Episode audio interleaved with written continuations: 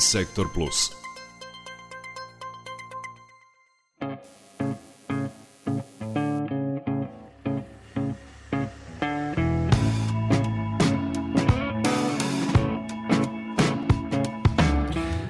Mladi na internetu provedu najmanje 3 sata dnevno i to uglavnom na društvenim mrežama. 94% njih surfuje i četuje pred spavanje, a te mreže su im i glavni izvor informisanja, pokazuje nedavno sprovedeno istraživanje.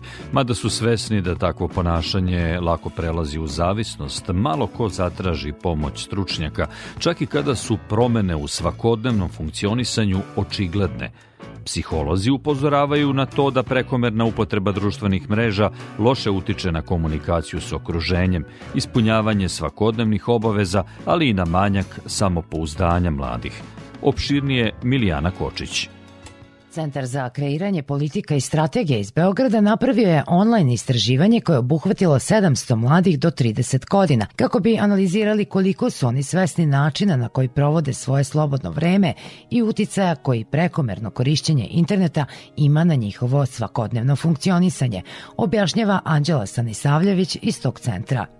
Do podataka da su negde klasični stari mediji kao što su radio, televizija i štampa E, da je negde manjem interesovanju kod mladih. E, veći fokus mladih stavljen je naravno na informisanje preko društvenih mreža i internet portala. E, to negde ne treba nas puno začudi jer i veći broj starije populacije se danas informiše preko društvenih mreža i interneta.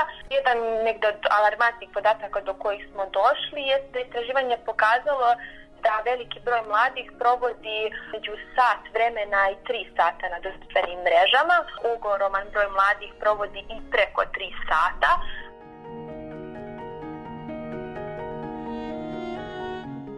Iskreno ja provodim po jedno 8 sati sigurno.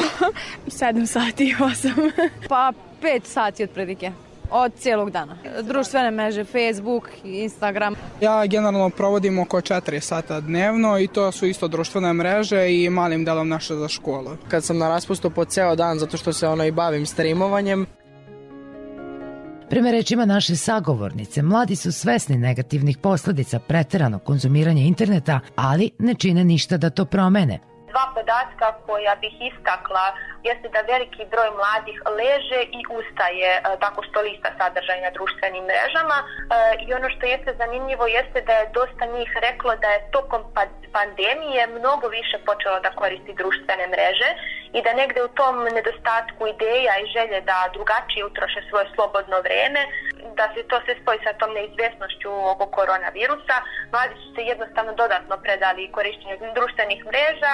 Tijana Komadanović, psiholog u bolnici za lečenje zavisnosti Vita iz Novog Sada objašnjava da ova pojava negativno utiče i na samog korisnika društvenih mreža i na njegovu okolinu, a da je reč o bolesti zavisnosti prepoznajemo kada normalno funkcionisanje postaje nemoguće. Ono kako razlikujemo osobu koja je zavisna od osobe koja nije zavisna jeste u odnosu na količinu problema koje neka radnja koju osoba obavlja ili substanca koju koristi sa sobom donosi. Ukoliko neko insistira da bude ceo dan na internetu uprkos svesnosti da, koje mu to probleme donosi u smislu pogoršanja školskog uspeha, pogoršanja a, odnosa sa, roditelja, sa roditeljima, gubitka prijatelja, pa opet i nesanice, nervoze, povlačenje u sebe. Znači, uprkos tome što znam da nešto nije dobro za mene, a ja nastavljam to da radim, to je prvi znak da se razvila zavisnost. To jeste jedno, jedan oblik autodestruktivnog ponašanja. Um, samim tim što je autodestruktivno ponašanje znači da je u njegovoj osnovi nedostatak samopouzdanja, samopoštovanja i upravo zato kada dete nema samopoštovanje ili neki, neko veliko samopouzdanje, ono te stvari traži. Internet e, pruža šansu da budemo neko drugi i na neki način dezinhibira sve one naše, kako da kažem, i moralne vrednosti, jer čim sam neko drugi, neko drugi me ne vidi, imam tu anonimnost, mogu da budem ko poželim. Iz tog razloga, ako primetimo da je dete van internet, kada nije na internetu, na telefonu, na društvenim mrežama, povučeno u sebe, ako nema veliki broj prijatelja, ako je u razgovoru sa roditeljima razdražljivo, buntovno, pa nekada čak i agresivno reaguje ili autoagresivno, to je prvi znak da se neki problem desio. E sada treba reagovati na vreme pa videti da li je u pitanju zaista zloupotreba i zavisnost od interneta ili neki drugi problem koji vremenom može dovesti do zavisnosti. Prema rečima Tijene Komadanović u bolnici Vita zavisnike ne leče individualno, već se radi na principu porodične psihoterapije, ali kako naglašava, najvažnije je da roditelji prepoznaju problem i pruže podršku detetu.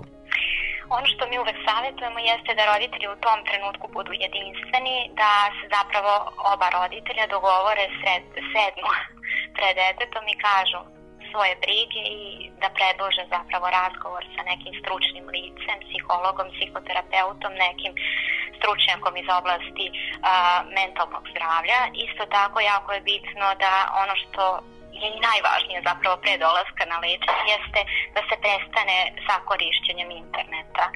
Uvek govorimo da cilj lečenja zavisnosti, koja god je zavisnost u pitanju, nije abstinencija od substance ili abstinencija od interneta kockanja, već je abstinencija uslov za lečenje. Veoma je važno udaljiti dete od telefona, kompjutera, video igara, svog tog negde virtualnog sveta, porazgovarati sa njim i motivisati ga da dođe na lečenje. Imali smo e, dosta slučajeva gde ljudi se jave zbog zavisnosti od interneta i uvek budu u pitanju tinejdžeri. Tako deca pred kraj osnovne škole, početak srednje škole. To se najčešće javlja u tim godinama. Ono što smo takođe primetili kada nam dođu neki stari ljudi uh, ili ma, stari i mladi ljudi, kako da kažem, od 30 godina pa nadalje zbog nekog drugog problema, a, da li je u pitanju zavisnost od alkohola, zavisnost od kocke, od neke druge psihoaktivne substance, kada krenemo da radimo ana, anamnezu zapravo samog problema, uvek dođemo do tih podataka da su oni u mladosti a, igrali isto tako velik, a, e, dosta video igre.